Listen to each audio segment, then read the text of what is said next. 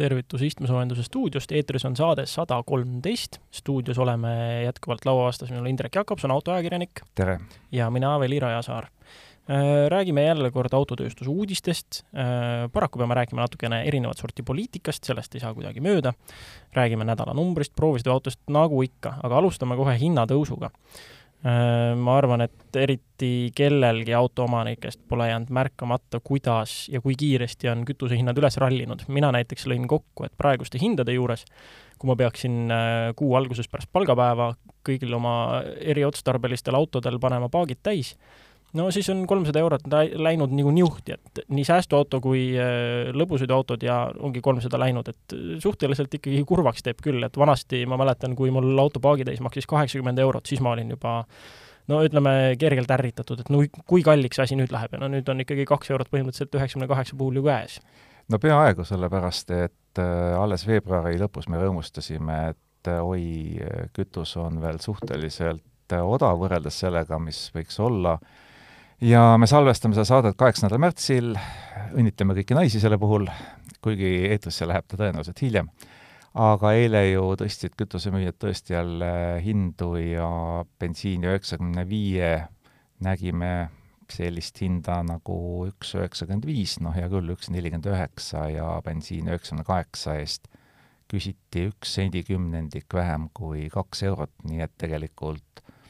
noh, mõnes kohas mõneks vähem, tundub, et hinnatõus on nii kiire, et kütusemüüjad ei suuda ise ka enam järge pidada. see kusjuures jah, käis, äh, see kahe peale tõus käis ka väga ruttu, et ma ühel õhtul tankisin äh, üks koma kaheksakümne viie juures ja järgmine päev oli juba siis kaks eurot käes, et väga-väga äh, ruttu tekkisid posti otsa ikkagi uued hinnad. aga et kas me näeme selle maagilise kaks eurot ära, et sellest on ju muidugi. hirmutatud? muidugi aga... näeme, ma, see, see on siin tõenäoliselt, ma arvan, et vähem kui kahe nädala küsimus, et kaks eurot oleks päriselt posti peal. kusjuures kui lugeda sellest, mis mujal maailmas toimub, siis tegelikult muretsevad ju kõik, et see kütusehinna tõus ei ole Eesti-keskne probleem ja see ei ole isegi Euroopa-keskne probleem, kus sõda on, et see on täiesti ülemaailmne probleem, et selle pärast muretsevad nii Lõuna-Aafrika töölised kui Ameerika pereemad ja, ja samas noh, eks see on mingis mõttes see ebamugavus, mille meie siin nagu kandma peame, aga kindlasti see ei ole nii ebamugav, kui pea kohal langevad pommid, on ju. see on see hind, mida me peame maksma oma ja Ukraina vabaduse eest ja see on võib-olla veel kõige väiksem hind, nii et sellega saame hakkama. jah, ja noh, barreli hinnad on ju ka rekord, rekordtasemel, et et äh, mis meil eelmine nädal oli, me rääkisime sada viis äh, millegagi, noh, peaaegu sada kuus. dollarit siis barrel, on ju, ja nüüd siis on üle saja kolmekümne juba. jaa, et äh, praegu salvestame seda saadet, tavamal jookseb kurss pisut üle saja kolmekümne kahe dollari, no ja vahepeal oleme näinud saja neljakümne kanti olevat numbrit, aga Bloomberg ennustab, et me võime sel aastal ka sada kaheksakümmend selle eest maksta etteruttavalt ütlen, et kui me jõuame nädalanumbrini, siis ka see on mingit sorti hinnatõusuga seotud, aga enne räägime ka kliimapoliitikast. et me oleme rääkinud äh, Ühendkuningriigi nendest ULEZ-idest ehk äh, ultramadala emissiooni või ultramadala heitmetsoonidest varemgi, äh, rohkem kui aasta tagasi juba olid need aktuaalsed. ja nüüd on siis päriselt olemas selline asi nagu ZEZ. ZEZ on siis äh... nullheitmetsoon. jah, ja inglased võtsid kätte ja tegid ära oma zero emission zone'i. ja loomulikult Oxfordis, ülikooli linnas ja selle linnavolikogu siis võttiski vastu sellise otsuse, et nad teevad sinna kõigepealt sellise pisikese, aga täiesti nullheitmetsooni. E, ei, see ei tähenda seda, nagu sakslased planeerivad, et lihtsalt äh, saad ühe korra kuus sisse. et äh, kõik autod, kes sinna sõidavad, mis ei ole elektriautod, need peavad maksma ja tasu varieerub siis äh, kahest naelast, see on siis pisut üle kahe euro, kuni siis kümne naelani päevas, oleneb heitmeklassist, tegelikult ei olegi ju nii väga õudselt suur. aga mida nagu inglased ise rõhutavad, on see, et see lisatasu on loomulikult bensiinimootoriga autodele, diiselmootoriga autodele, aga hübriididele samamoodi, et äh, noh, nagu on öeldud, hübriid on üleminekuvariant, planeeti see ei päästa et ainsad, kes saavad äh, sinna tasuta, on saastevabad sõidukid, näiteks elektriautod. jah, ja see kehtib seitsmest seitsmeni, seitsmest hommikul seitsmeni õhtul, see pilootprojekti, ütleme siis see sissesõidukeel või tasustatud sisenemine. Äh, märkasid sa, kas, kuidas seal kohalike elanikega näiteks on, et kui nende autod, kas nemad peavad ka maksma hakkama? ei, sellest ei ole esialgu juttu. aga küll on juttu sellest, et äh, tegelikult, nagu sa ütlesid juba, et see on piloot või test, et äh, eks nad siis praegusel äh, ajal vaatavad, kuidas see õnnestub, aga plaanis on järgmisel aastal teha ikka päris suur maalahmakas, et peaaegu kogu Oxfordi kesklinn muuta selliseks tsooniks. edasi liigume Ukraina sõja juurde, millest me kuidagi mööda ei saa, ükskõik kui väga me seda autosaates teha tahaks. aga see on ikkagi, puudutab sanktsioone ja sanktsioonid omakorda puudutavad autotööstust, äh, väga tõsiselt ja kuna Indrek siin oma ennustused alles hiljuti välja käis, siis on päris äh, hirmutav jälgida, kui kiiresti need ennustused tõeks saavad. jah, et äh, see on küll selline osa saatest, mida nagu ei tahaks kuidagi teha, aga paraku mööda ei saa ja ilus ja heas maailmas tahaks muidugi ilma hakkama saada, aga no elu on selline. et mis siis praegu toimub, kõigepealt see, et Volkswagen Grupp on tead-, peatanud kõigi oma sõidukite tarned Venemaale, Volvo, veoautotootja, Volvo sõiduautod, General Motors peatab tarne, äh, Mercedes-Benz uurib olukorda. no ma arvan, et äh, nad saavad varsti oma uurimistulemused kätte ja jõuavad järeldusele, et neil ei ole mõtet vastuvoolu ujuda, sest äh, viimane, kes ka kaua olukorda uuris, oli Stellantis, aga nad said ka hiljuti aru, et vastuvoolu ujumine võib halvasti lõppeda ja ühinesid ka sanktsioonidega noh, ja Renault on veel natukene selline keeruline olukord, sest et nad on öö, otsapidi ise ju ühe jalaga Venemaal jah, et neile ju kuulub kuuskümmend seitse koma kuuskümmend protsenti AvtoVAZ-ist ehk et nad on üle kahe kolmandiku Lada tootjate omanik ja ja samas see ülejäänud kolmandik kuulub otseselt Rostekile, mis kuulub omakorda otse Vene riigile, nii et äh, väga poliitiliselt keerulises kahvlis on Renault, et ühest küljest tahaks nagu sanktsioonidega ühineda, aga teisest küljest jälle oled sa nagu omaenda inimesi, omaenda töötajaid selle käivitamas, nii et elu on keeruline. jah, ja keeruline on elu ka nendel autotootjatel, kes äh, ei äh,, ei paikne Venemaal osalt sellepärast, et äh, nüüd on ikkagi Ukrainaga seotud tarneraskused mõjutanud ka neid, kes on kaugel-kaugel eemal. et nii mõnedki tähtsad komponendid pärinevad paraku Ukrainast ja ei jõua õigeaegselt enam ei tarnita enam õigeaegselt tehastesse. et siin on mõjutatud ju Volkswagen Grupist kas või juba päris palju marke. jah, et peamiselt Äh, mille pärast on erinevad tehased, kas siis Dresdenis või Zwickau's, kus äh, viimases siis peamiselt elektriautosid valmistatakse, on äh, nii mõni päev tehas seisnud ja põhjus imelihtne, puudu on juhtmestikud ehk siis autosisene elektrikaabeldus ja enne sõja algust see tuli suhteliselt regulaarselt väikeste varudega Ukrainast ja nüüd on sellega väga kehvasti. ja ega siis parem ei ole ka BMW-l, et et eh, Oxfordist juba rääkisime, aga Oxford ei ole ainult ülikoolilinn, Oxfordis toodetakse ka Mini ja see tehas on nüüd olnud terve nädal aega suletud, sellepärast et järjekordselt ei ole võtta olulisi komponente, mis tulevad Ukrainast. no suletud tehastest rääkides äh vahelduseks ka äh, sõjast mitte nii otseselt johtuv sulgemine oli Toyotal umbes nädalake tagasi, kui kõik nende neliteist tehast Jaapanis pidid päevaks seiskuma, sest et küberrünnak tabas ühte nende olulist tarneahela osa. et noh, küberrünnakud kuidagi noh, eks, eks ta on ikkagi tõenäoliselt siin seotud, et need igasugused anonymousid ja muud häkkerite rühmitused vahepeal on võib-olla natuke niisugused natukene äh, eri kohtadesse suunatud kahurid, et võib-olla sai kogemata ka Toyota pihta, keegi seda täpselt ei tea, et ei ole öeldud rünnaku tagamaid, aga nüüd ikkagi peaks kõik äh, tootmine jälle taastunud olema. et see näitab seda, et äh, kui on veel võimalik ainult tarkvaraliste probleemidega kuidagi maadelda, siis sellega saadakse hakkama, aga kui füüsiliselt mingeid osi võtta ei ole, siis tehased paraku seisavad. jah, noh, Toyotal on veel ju see, et nad äh,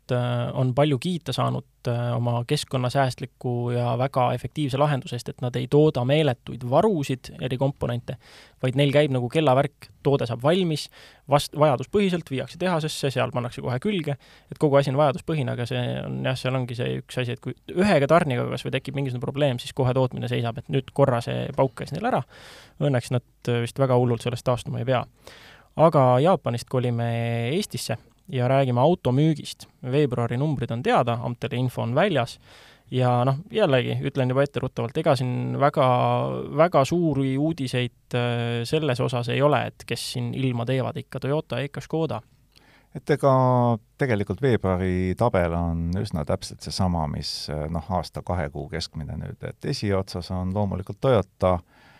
teine Škoda, kolmas Kiia, neljas Volkswagen ja viies Mercedes-Benz, et esiviisik on sellel aastal kuidagi väga kindlalt ennast paika loksutanud ja siis äh, järgmise kahe koha pärast käib pisut äh, kaklus Hyundai ja Renault vahel, Dacia hoiab kindlalt kaheksandast kohast kinni ja siis tulevad juba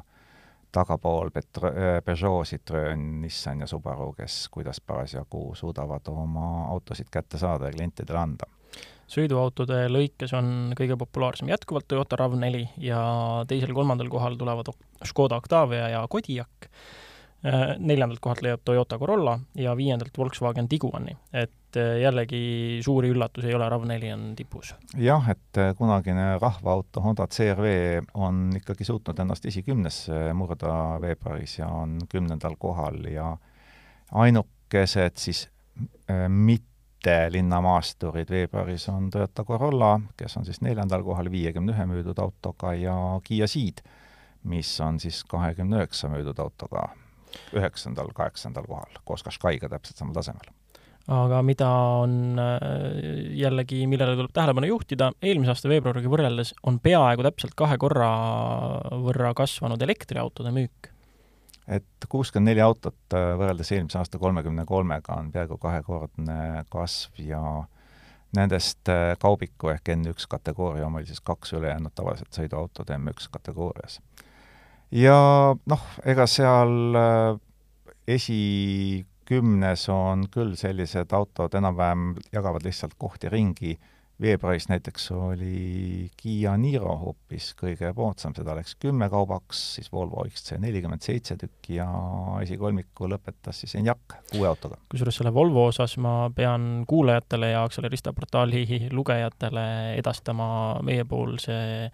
vabanduse, et see, see auto on äh, meil ühe kaasautori poolt sõidetud, aga seda looks ei ole ikka jõudnud vormida ja Indrek võtab selle varsti ette, et äh, see karjuv puudujääk meil saates ja portaalis saab äh, ka kõrvaldatud nii kiiresti kui võimalik. Hyundai Ioniq viis, mis on, mida meiegi oleme siin palju kiitnud ja mis igasugustele konkurssidele muudkui auhindu koju toob, Äh, neid võeti veebruaris arve, arvele ainult viis tükki, mida on ainult üks rohkem kui näiteks Porsche Taycani, äh, mis on teadagi ju palju kõrgema hinnaklassi elektriauto. aga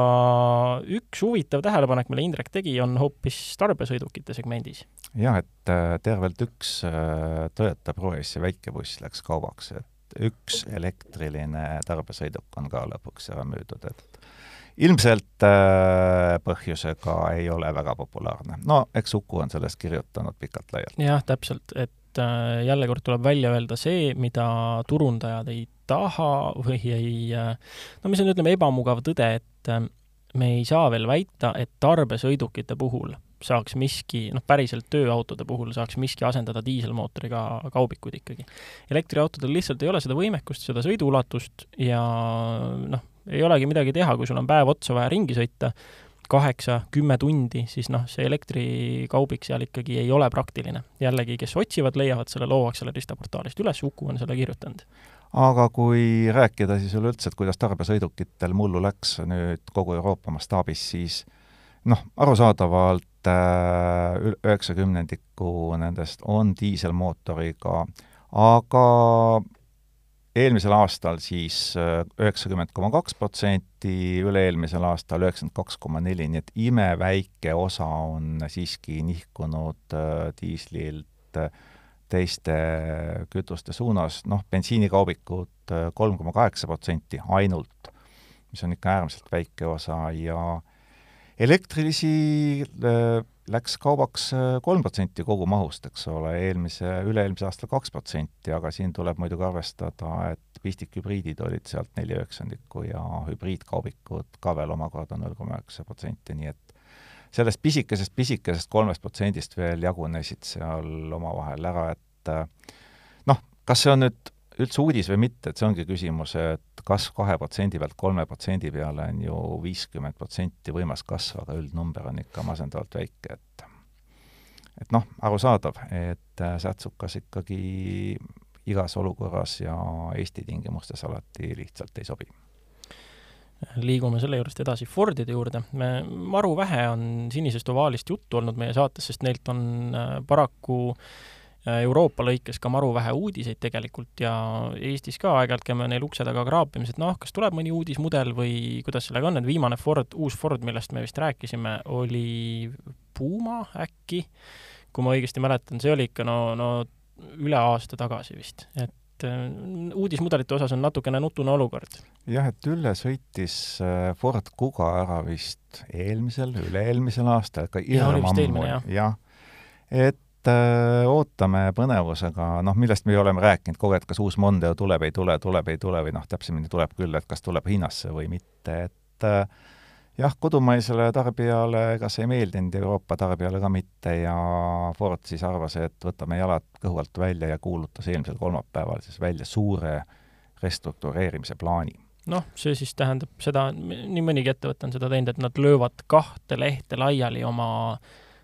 sisepõletajate ja elektrisõidukite tootmise, Fordil täpselt sama plaan. jah, et andsid ilusad nimed, üks on Ford Blue ja teine on Ford Model E. Ja need hakkavad toimetama siis täiesti eraldiseisvate ettevõtetena, aga loomulikult jagavad siis äh, tehnoloogiat ja kõike muud taolist, et siis suurendada mastaapi ja et igasugust tegevusi edendada, noh, öeldakse siis nagu pressiteates, aga eesmärk on lihtne, toota aastaks kakskümmend kuus üle kahe miljoni elektrisõiduki ja siis poolest äh, oma pool müügimahust muuta siis elektriliseks kahekümne, kahe tuhande kolmekümnendaks aastaks. no oligi aeg, et Ford ka oma plaani välja käiks, sest et kui me siin vaatame, mis tööstuses toimub, Tesla on siin riburada pidi avamas ja planeerimas uusi tehaseid, nende aastane elektrisõidukite toodang on juba peaaegu miljon. Äh, nad said just Berliin, reedel said äh, väikeste mööndustega loa alustada tootmist oma Berliini gigatehases. Äh, Volkswageni vastukäik, investeerida kaks miljardit oma Wolfsburgi tehasesse, et rajada sinna Volkswagen Trinity tootmiseks siis tehas, mis hakkab kusagil issand, kas oli vist kakssada viiskümmend tuhat autot aastas välja pumpama. et kõik muudkui investeerivad ja teavad, et Ford on kuidagi seal sabas sörkinud, et nüüd nad peavad kõvasti kinnipüüdmist mängima teistega. no kui sa rääkisid juba, palju Tesla toodab, siis noh, vaatame eelmise aasta globaalseid müüginumbreid tootjate kaupa, et Tesla jäi siis ime natukene alla miljoni, Volkswagen tõepoolest teine müüs siis äh, kolmveerand miljonit ja pisut rohkemgi, aga nendest üle kolmandik on hübriidid, jah? jah, laetavad hübriidid. ja kolmandal kohal elektriauto tootjatena on hiinlased oma BID, nemad on pisut üle poole miljoni suutnud teha ja siis General Motors, kes nagu samamoodi ei pööra peaaegu üldse hübriididele tähelepanu, et mis on elektrilised, need on täiselektrilised. Jah, selles mõttes on äh, General Motors selles tabelis isegi, ta küll äh, on justkui neljandal kohal, aga kui ainult elektrisõidukeid vaadata, siis tegelikult teisel, et Tesla toodang on täiesti täiselektriline ja täiselektriliste autode lõikes siis viie, kusagil viiesaja tuhande autoga ongi General Motors tegelikult justkui teisel kohal. jah, ja siis on Ford oma saja seitsmeteist tuhandega üle maailma ja nendest ka pool on hübriidid, nii et Fordil on pikk maa minna. Aga see ei takistanud neid heiskamast oma peakorteri ees Ukraina lippu ja annetamast sada tuhat USA dollarit Ukrainale. et jällegi selline väga sümboolne liigutus Äh, räägime ka Stellantisest natukene. Neil on selline asi nagu Dare Forward kaks tuhat kolmkümmend, mis on ka põhimõtteliselt Stellantise suur-suur plaan. jah, et neid suur-suuri plaane kipub nüüd tulema suurtel-suurtel tootjatel päris palju, aga eks neil ole kõigil nagu vaja jalad kõhu alt välja võtta, et äh, teised konkurendid nagu elu kibedaks ei teeks noh, suur-suur plaan, palju juttu, püüdsime nagu sellise olulisema välja noppida Nad on Stellantises mõelnud välja spetsiaalse USA toodete rünnaku, inglise keeles Specific US Product Offensive. no see on siis rohkem niisugune tururünnak, et turule sihitud toodetega turu ründamine või midagi säärast? jah, et see sisaldab kakskümmend viis täiesti uut elektriautot ja ja noh, elektrifitseerimise osas on Euroopa selles suhtes Ameerikast ees, et nad tahavad kolmekümnendaks aastaks jõuda siis selleni, et kõik on täiselektriliselt müük Euroopas ja siis täpselt pool vähemalt oleks äh, Ameerikas elektriline. ja mis võib olla kolmekümnendaks aastaks veel, siis on see, et nad tahavad oma müügist kolmandiku teha veebis. ja tehagi selline ülemaailmne digitaalne turg, kus on siis kõik Stellantise tooted ja teenused sees, et äh, väga selline ambitsioonikas plaan, et me oleme rääkinud, et need muudatused tulevad, see on ka meie ennustustes sees, et tulevad, aga mitte just kiiresti ja Stellantis ütleb ka, et kümme aastat on aega, et küll me jõuame kui rääkida Stellantise nii-öelda väiksematest jupikestest, siis äh, Fiat ja Barth lubatakse kahekümne seitsmendast aastast teha Euroopas täiselektrilisteks brändideks üldsegi. no arusaadav, sest kui kolmekümnendaks aastaks peab kogu Euroopa olema elektriline ja Fiat on ikkagi puhtalt Euroopa turule suunatud bränd, siis ei ole nagu selles midagi üllatavat. mind noh, äh, üllatab kindlasti tõenäoliselt see, kui nad tulevad oma äh, Äh, Fiat viiesajal põhinevate Abarthi, aga täiselektriliste sportmudelitega välja, et äh, mind paneb alati üllatama see, kui ma näen mõnda sellist müügis, vaatan selle massi ja mõtlen, kuidas nad sellise punni on saanud rohkem kui üle tonni kaaluvaks ja nüüd elektrisõidukitega, noh, ma arvan, me näeme ära selle väikse tillukese kolmemeetrise Abarthi, mis kaalub poolteist tonni või rohkem. noh, peaasi, et sõidab kaugele. jah aga tegelikult ega Stellantis seal uudiseid jagub, et nad tegid siis ka Jeepi, Jeepi väikese linnamaasturi, et äh, ega me tast midagi muud eriti ei tea, kui et ta tuleb järgmise aasta alguses, äh, kaugelt vaadates näeb välja umbes nagu Peugeot kaks tuhat kaheksa, noh, ilmselt hakkab ka samal platvormil istuma, nimeautoks seal veel ei ole, aga aega on ka, aga igatahes me teame, et elektriline pisimaastur tuleb. Äh, igasugustest Stellantise plaanidest rääkides on ähm, jälle, ütleme kusagil aastake või natuke vähem tagasi käis saatest läbi see, et noh, et mis brändid siis Stellantis ära tapab nii-öelda ja Chrysler oli selles prioriteetide nimekirjas päris kõrgel, sest neil uudismudeleid ega midagi ei ole tegelikult juba pikalt olnud, nad on teinud, neil on Ameerikas üks sedaan ja siis äh, vist kolmsada C-st mingisugune mitu erinevat versiooni Pacificast, et selline noh, ütleme suhteliselt surnud mudelirivi ja oli suur äh, spekulatsioon, et Chrysler tapetakse ära, nüüd me teame, et see nii siiski ei ole jah, et see kolmsada on ju küllaltki oma, nagu öeldakse, eluajal juba omale ausamba püstitanud tänu sellele, et juba kahe tuhande kümnendast aastast seda muudkui toodetakse ja toodetakse, selline suur äh, janune sedaan ja ega seal peale Pacifica tegelikult jah, rohkem autosid polegi. aga mis roll Chryslerile jääb, äh, Stellantis ütleb ilusti, et need on lifestyle family cars, et äh, mingisuguseid uhkeid sedaane ja äh, sportlikke mudeleid sealt enam loota ei ole, aga peaasi, et bränd alles jääb ja inimesed on õnnelikud. jah, Stellantisest rääkides ka tegevjuht Tavares on öelnud välja paar asja, mis teda murelikuks teevad. esimese asjana loomulikult see, et autode hinnad kasvavad igal pool liiga palju, et äh, põhjuseks on kiibikriis loomulikult, aga nüüd ka on sinna lisandunud igasuguste teiste toormete nappus sõja tõttu ja siis, kui ta hindadest hakkas juba rääkima, siis ta ütles, et kuigi need uhked elektrisõidukite arendamise plaanid on tal olemas, siis äh, tema firma äh, elektrisõidukid nii lähiperspektiivis kui ka keskpikas perspektiivis jäävad ikkagi kallimaks kui samaväärsed sisepõlemismootoriga mudelid. et Tavares ütles otse välja, et et äh, ettevõte ei saa seda hinnatõusu lihtsalt tarbijatele edasi kanda, sest vastasel juhul äh, ei saaks keskklass, kes on keskmine tarbija ja kelle peale ju enamus autosid müüakse, nad ei saaks lihtsalt enam uusi autosid osta ja Stellantis on öelnud, et ainuke viis seda teha on kulusid kärpida noh, ja jällegi siin on see, kus näiteks netimüük sisse tuleb ja kõik eh, noh, turunduskulud tõenäoliselt ka, et turunduse ta tõi välja ühena nendest võimalikust, võimalikest kärpimiskohtadest. ja teise asjana siis tõepoolest, et kõik tema edasimüüjad on need, keda ilmselt varsti pigistama hakatakse, aga mismoodi, eks seda aeg näitab. liigume edasi nädalanumbri juurde. ma ütlesin enne, et see on seotud eh, üleüldise hinnatõusuga, nädalanumber on üksteist koma neli, Indrek, mis see meil tähendab? no eks eh, kui on see loogiline jätk sellele, et Tavares on mures, et autode hinnad kasvavad kiiresti, aga see hinnakasv ei ole igal pool samasugune. et äh, veebruari numbreid veel koos ei ole, aga see on jaanuarikuu, äh, siis jaanuar kaks tuhat kakskümmend üks versus jaanuar kaks tuhat kakskümmend kaks. uute autode hinnakasv äh, ühes Euroopa Liidu riigis, kus oli see siis kõige suurem, no ja mis riik see võiks olla? no võime uhkelt lüüa sinimustvalge rindu ja öelda jess, me oleme esimesed. jaa, et Eesti on tõepoolest kõige suurema uute autode hinnakasvuga riik Euroopas Euroliidu keskmine on neli koma kaheksa protsenti ja kõige väiksem on see Šveitsis olnud kaks koma kaks ainult. aga meie naabritel on hinnatõus, äh, lõunanaabritel loomulikult äh, tõsisem, kaheksa koma üks protsenti Leedus, Lätis seitse koma kuus, Soomes ainult kolm koma kaks, aga jah, eestlaste vastu ei saa selles osas keegi Äh, natuke ka Renault uudist. Äh, nende Scenic ja Grand Scenic muutuvad äh, lõpuks täiselektrilisteks crossover iteks. ja seda juba eeldatavasti aastal kaks tuhat kakskümmend neli. kas me oleme üllatunud mm,? jah ja ei ühe korraga miks, sellepärast et äh, ühest küljest äh, ei loomulikult selle, seetõttu, et äh, noh, tulevikus ongi kõik auto suund ongi niisugune? jaa, suund ongi niisugune ja autod ongi crossoverid ja linnamaasturid, olenevalt suurusest ja nii hakkabki olema. sellest otsast nagu ei üllata. aga miks üllatab selle vastu poolt küll, et äh, Renault jaoks on ju ikkagi mahtuniversaalid olnud kuidagi nagu kaubamärk, et Renault on olnud üks nendest, kes on pretendeerinud sellele, et nemad on tegelikult mahtuniversaali kui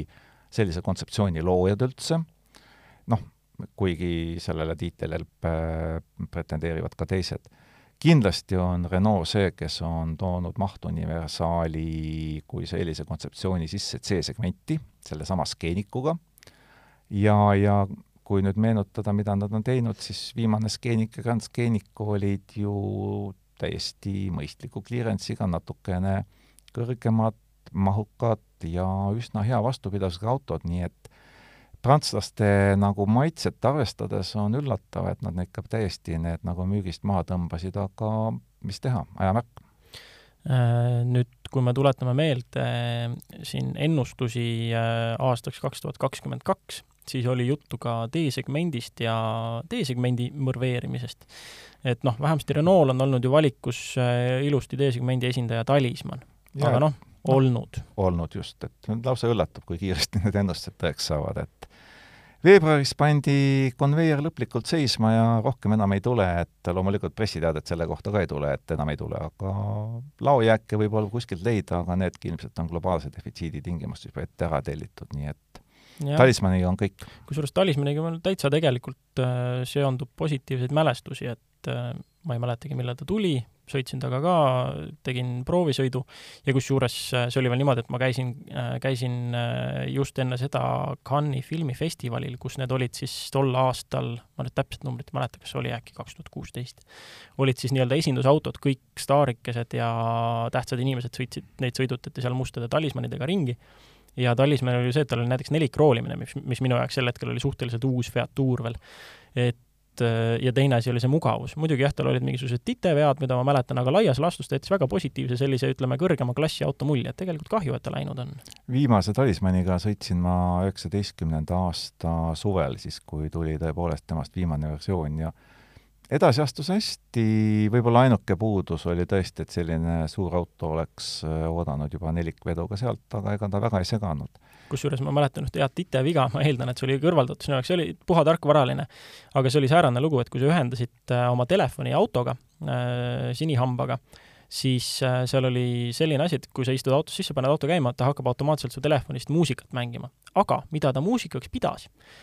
Mul hakkas ta näiteks ette laulma automaatselt äh, mingeid araabiakeelseid äh, väljendeid kusagilt telefoni tõlkemälus, mis olid sobiva, mis oli lihtsalt sobiva, ma eeldan, et MP4 laiendiga või mingi laiendiga, mida ta pidas muusikaks. ja siis tuligi lihtsalt araabia keel kohe, kui ma autosse istusin. et ma, ma eeldan, et sellist äh, asja sina oma proovisõidul ei tuvastanud, et see oli kõrvaldatud? ei tuvastanud, et ma olen pigem andnud nagu plusspunkte selle eest, kui auto, autosse istudes oskab ise uuesti minu telefonist leida üles selle podcast'i, mis pooleli jäi ja seda edasi mängida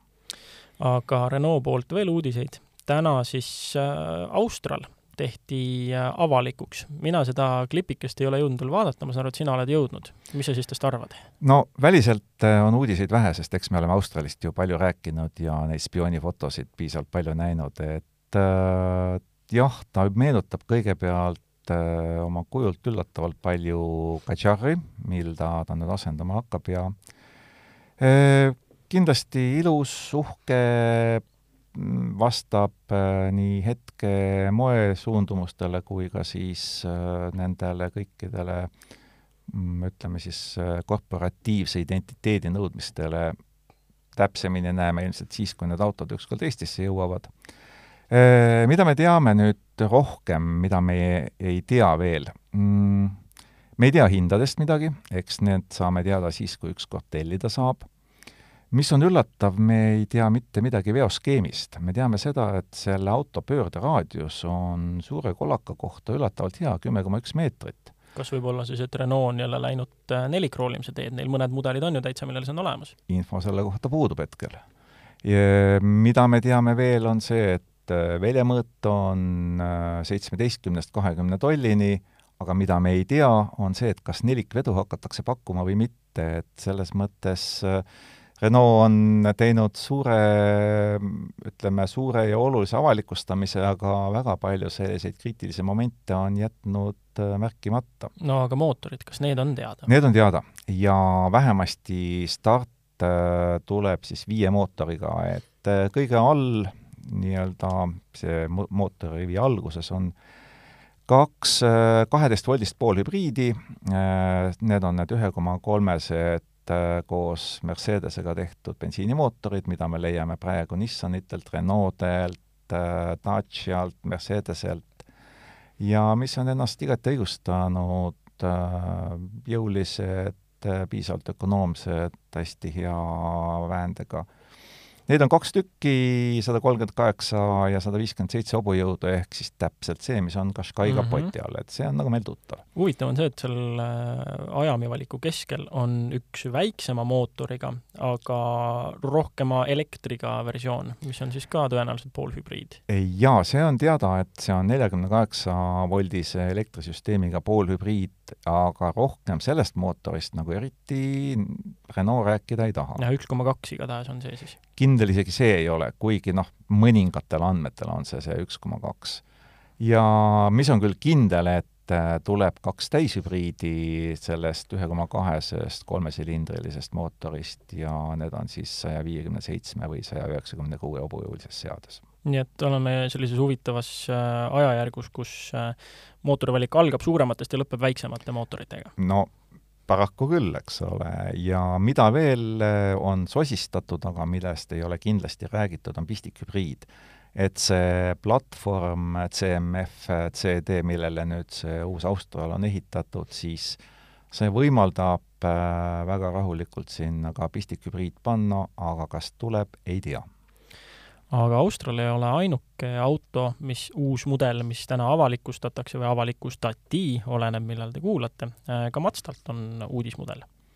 CX kuuskümmend, millest oleme samuti palju rääkinud ja pikalt oodanud, et äh, noh, suuri uudiseid võib-olla sealt ei tohikski tulla, kõigepealt muidugi hinnad, aga mis on spekulatsioon selle juures, on see, et nüüd tuleb uus platvorm, tagaveoline platvorm ja võib-olla Mazda kuus ehk siis üks meie D-segmendi noh, ütleme siis kaduvatest äh, autodest võib-olla ei suregi, et võib-olla tuleb selline tagaveoline klassikaline sedaan, mida hakatakse positsioneerima Nobelmarkide kõrvale, vähemasti Mazda on ise lubanud muutuda selliseks äh, üsna üle keskmise kalliks ja kvaliteetseks brändiks. huvitav jah, et kas äh, Mazda, kas Mazdast saab see bränd, millest me mõne aasta pärast räägime,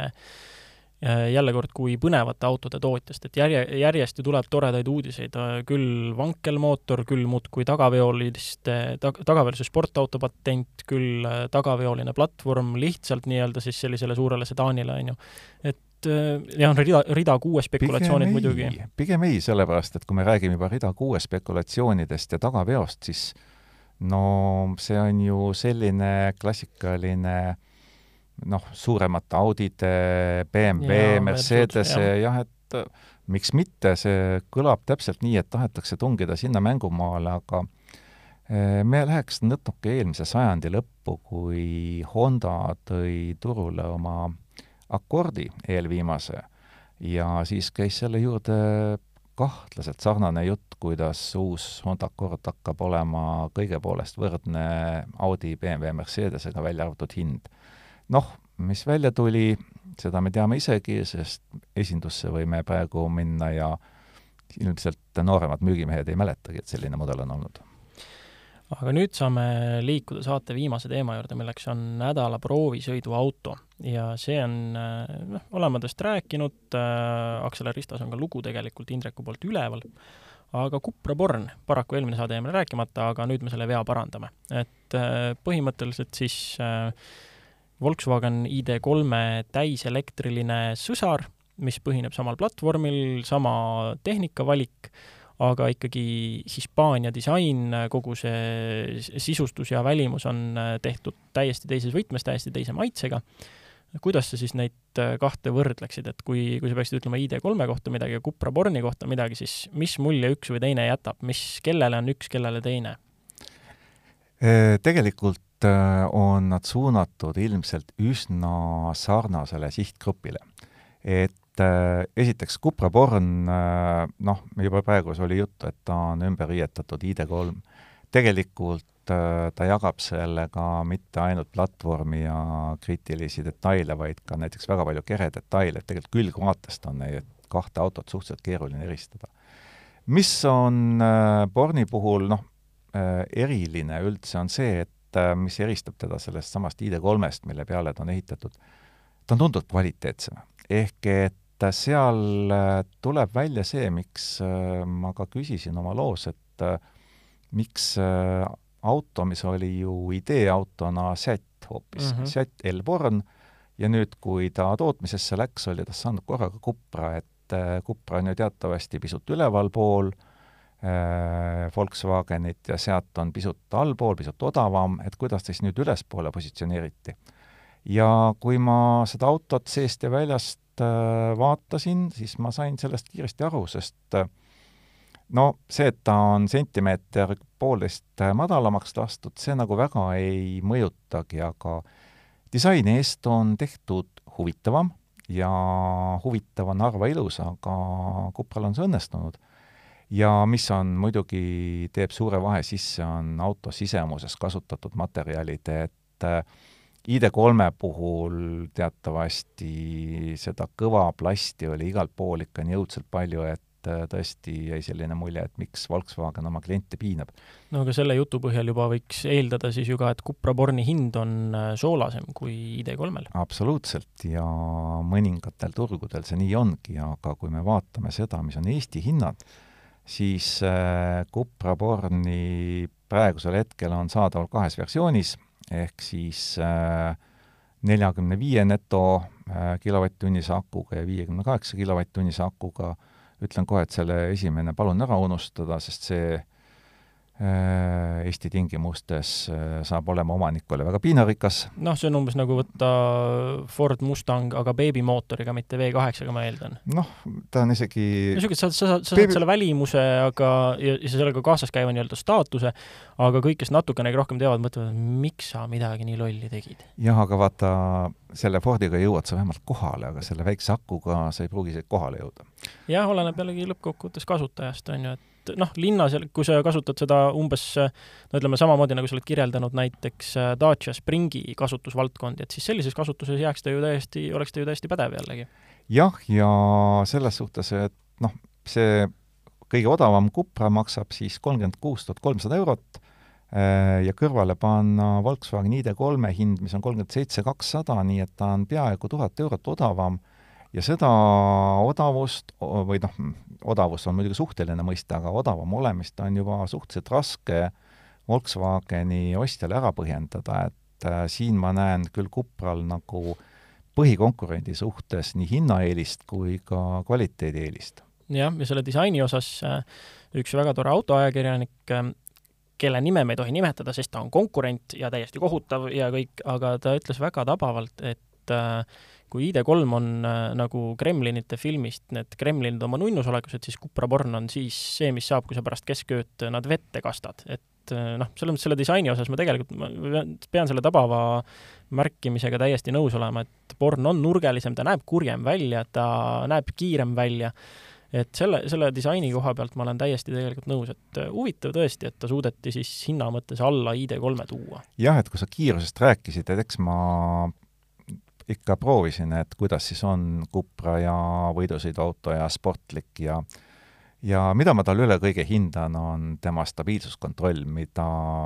mis toimetas väga tihti, aga ülisujuvalt, ta ei lasknud kunagi midagi käest ära mhm. minna mm, ta toob su erineva kiiruse juures alati stabiilselt koju, et äh, turvalisus eelkõige isegi Cupra mulle meenub ID3-ga, noh, ma jällegi ütlen, kui veel selge ei olnud, et mina Cupra Borniga paraku sõita pole saanud, siin isolatsiooni ja üleüldise pandeemia olukorra tõttu pidin ma oma proovisõidu ära jätma, aga selle vea ma kindlasti lähiajal parandan. siis juba ID3-ga oli see, et ma kiitsin seda, kui hoolimata sellest massist, kui hästi ta teel püsis kurvides. et see massikese, raskuskese on nii madalal, et et äh, noh, see juhitavus tõesti on nauditav, ma eeldan, et kui Cupral, mis on natukene veel madalam, et Cupral võiks see tõenäoliselt siis ka veelgi parem olla, et ma ei tea, kuidas sa muidugi libedamates oludes proovida said, aga kuidas see juhitavuse tunnetus üleüldse siis on, on ta, on ta siis nagu see, see teel püsivus, äh, sisendab ta enesekindlust sulle juhina? ei, ei, ma proovisin ikka, katsusin nagu sellist äh, tunnetust kätte saada, et kus see pidamise piir on. et kui me rääkisime paar saadet tagasi kaks korda odavamast Suzukist, mis äh, nelikveoga ilusti võimaldab ka maanteel külg ees natukene sõita, sest tal on tänu nelikveole võimalik hästi noh, tunda ennast turvaliselt, siis Cupra puhul äh, jääd sa lootma ainult sellisele üsna taustal efektiivselt toimetavale elektroonikale. Mm.. et kui rääkida kiirest sõidust, siis mingit sellist erilist teravust äh, ei, noh, tavaline elektriauto, no mas-, oma tuhande kaheksasaja kilose massiga jah, see annab kurvis tunda isegi väiksemale clearance'ile vaatamata, ta kaldub, et noh, seda sportlikkust võib-olla sa leiad suve poole mm kuskil ringrajal üles, aga mina otsisin, ei leidnud. täitsa tavaline ID3, ainult näeb parem välja ja on mõnusam kasutada. aga lõppkokkuvõttes see ongi ju see asi, mis, mida tema kohta öelda, noh, ongi, ta on äh, välimus parem, sisustus parem, hind parem, et äh, kui on plaanis võtta perele tarbimiseks elektriauto, siis äh, ma, ma, mul tekib küsimus, et mida see ID3 siis üldse teeb, sest et kui kui siin äh, viimati, kui sa võrdlesid omavahel ju ka, issand, mis sa võrdlesid meil Škoda Enyaqi ja ID4. ja seal tuvastasime ju põhimõtteliselt ka, et Enyaq on tegelikult see enamasti see parem variant et siis see ongi, mis nende ID3 ja ID4-ga juhtus, et, et äh, neist niimoodi üle sõidetakse? ega ID3-ga ei olegi ju midagi muud juhtunud kui seda, et ta müüb äh, Euroopas nagu mühiseb, müüb ka Eestis, mitte nii hästi kui Enyaq, aga elektriautode puhul praegusel hetkel selle väikeste numbrite põhjal ei saa veel sellist äh, põhjapanevaid otsuseid teha, et liiga suur roll on inimeste isiklikul maitsel ja eelistusel aga igatahes ootan enda proovisõitu Cupra Borniga huviga, tõenäoliselt on siis ka ilmad natukene kuivemad, eks ma siis saan vaadata, et kas äh, käe sees on sama või parem tunne, kui ID3-ga kunagi kuivas oli. aga selline oli saade järjekorranumbriga sada kolmteist, aitäh, et meid jälle kuulasite, loodetavasti järgmisel nädalal jälle! Kuulmiseni!